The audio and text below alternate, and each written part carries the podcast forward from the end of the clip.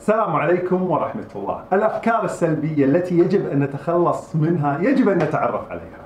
حينما نقول لأنفسنا أنا كبرت، أنا لا أستطيع القيام بذلك، أنا فاشل. كل ذلك أفكار سلبية. أشكال الأفكار السلبية كثيرة.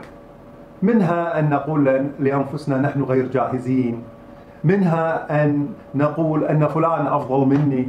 منها أن نقول أن فلان فلانة أجمل مني. مثل هذه الكلمات التي نخاطب فيها أنفسنا هي عبارة عن أفكار سلبية لا تقدم ولا تؤخر. وعلينا أن نتعرف عليها بشكل أفضل لنبتعد عنها بشكل أحسن.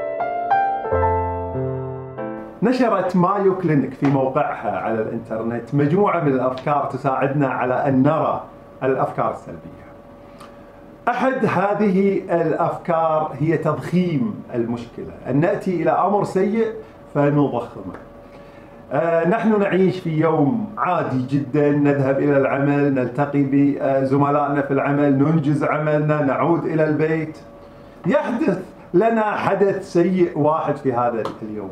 فنقول لأنفسنا هذا يوم سيء أو هذا اليوم لن يمر على خير مثل هذه الفكرة هي أفكار سلبية يجب أن لا نضخم أي عمل سيء. يجب أن نقول لأنفسنا هذه اللحظة ليست جيدة وسنتغلب عليها. التحول للشخصنة هي أحد الأفكار التي قدمتها مايو كلينيك. تقول حينما يعتذر شخص عن حضور احدى المناسبات. نحن لا نأخذ الموضوع بشكل آه، آه، موضوعي. نحن نتحول إلى أن الأمر شخصي. فنقول كلما دعوناه لا يحضر. أو نقول أن هذا الشخص كلما زارنا تحدث مصيبة. يجب أن نبتعد عن هذه الشخصنة لنحظى بحياة إيجابية. التحول لنظام الكارثة هي أحد الأفكار التي قدمتها مايو كلينيك.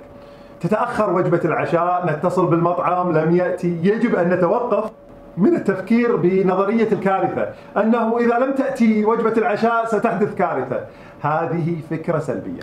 لن تحدث كوارث لأن شخص لم يحضر لأن وظيفة لم نحصل عليها لأن شخص لم لم يرد على هواتفنا. مثل هذه طريقة التفكير هي طريقة تفكير سلبية بامتياز.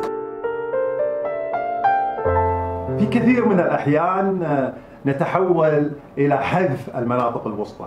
يعني إما بارد وإما ساخن. إما أنا شخص ناجح وإما أنا شخص فاشل. إما هذا الشخص هو شخص جيد وإما هو شخص سيء.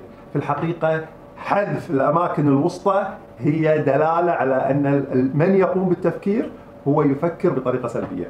لأننا من الممكن أن نكون فاشلين وذاهبين إلى النجاح ومن الممكن أن يكون هذا الشخص اليوم يمر بظروف ولذلك لم يستطع أن يكون جيد.